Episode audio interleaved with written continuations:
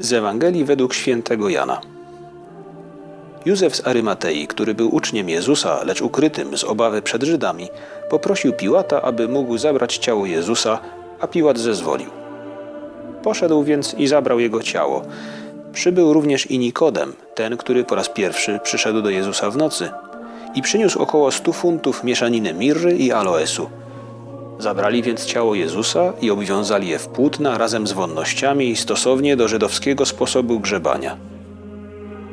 A w miejscu, gdzie go ukrzyżowano, był ogród, w ogrodzie zaś nowy grób, w którym jeszcze nie złożono nikogo. Tamto więc ze względu na żydowski dzień przygotowania złożono Jezusa, bo grób znajdował się w pobliżu.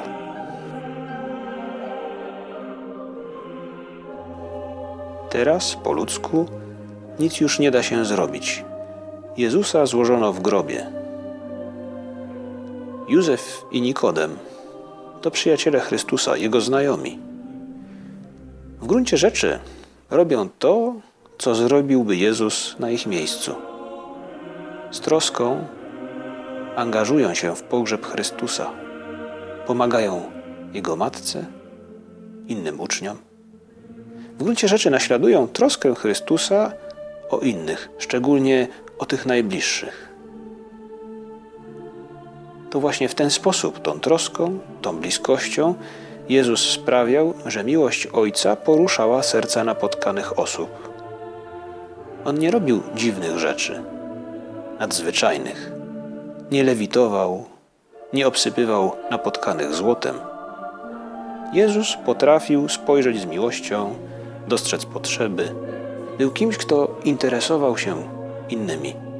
Traktował innych z uczuciem i pokazywał tę przyjaźń w czynach.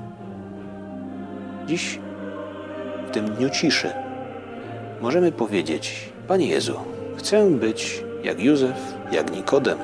Chcę być jak Ty. Chcę umieć dostrzegać potrzeby innych. Chcę umieć znajdować się w odpowiednim miejscu o odpowiednim czasie. Jezus tak właśnie postępował. Potrafił zagadywać rybaków przy pracy. To on dostrzega Mateusza w komorze celnej i zmienia mu życie. To on widzi cierpienie Jaira, któremu właśnie umiera córka. To on zdaje sobie sprawę z samotności chorego od 38 lat, który znajduje się nieopodal sadzawki.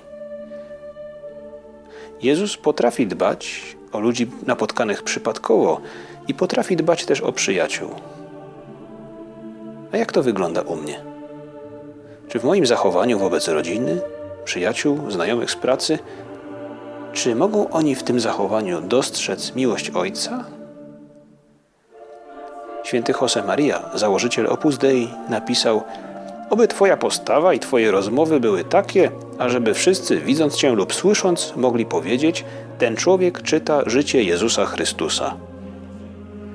Panie Jezu, przecież przez ostatnie dni nie robiliśmy nic innego. Wpatrywaliśmy się właśnie w to, co dzieje się z Tobą. Czytaliśmy Twoje życie. To, co porywa w Twoim życiu, to oddanie, które jest bezwarunkowe. Nie zostawiasz nic dla siebie. Postanówmy więc sobie dziś zrobić choć jedną rzecz, w której ktoś z naszych bliskich oczekuje, że będziemy we właściwym miejscu o właściwym czasie. Choćby nie wiem co. Nieważne, że święconka, że trzeba coś posprzątać, coś jeszcze do świąt przygotować. Dotknijmy naszych bliskich bezwarunkową miłością Boga, oddając się im do końca jak Chrystus. Cisza tego dnia mówi nam też o Matce Jezusa. Ona wie, że Wszechmocny dokonuje wielkich rzeczy i dlatego czeka, wyczekuje, aż Boża moc objawi się i tragiczną śmierć Jezusa pokona Jego zmartwychwstanie. Wyczekujmy i my. Wyczekujmy, jak Szymon z Arymatei oraz Nikodem, naśladując Chrystusa, postępując wobec naszych bliskich tak, jak On by postąpił.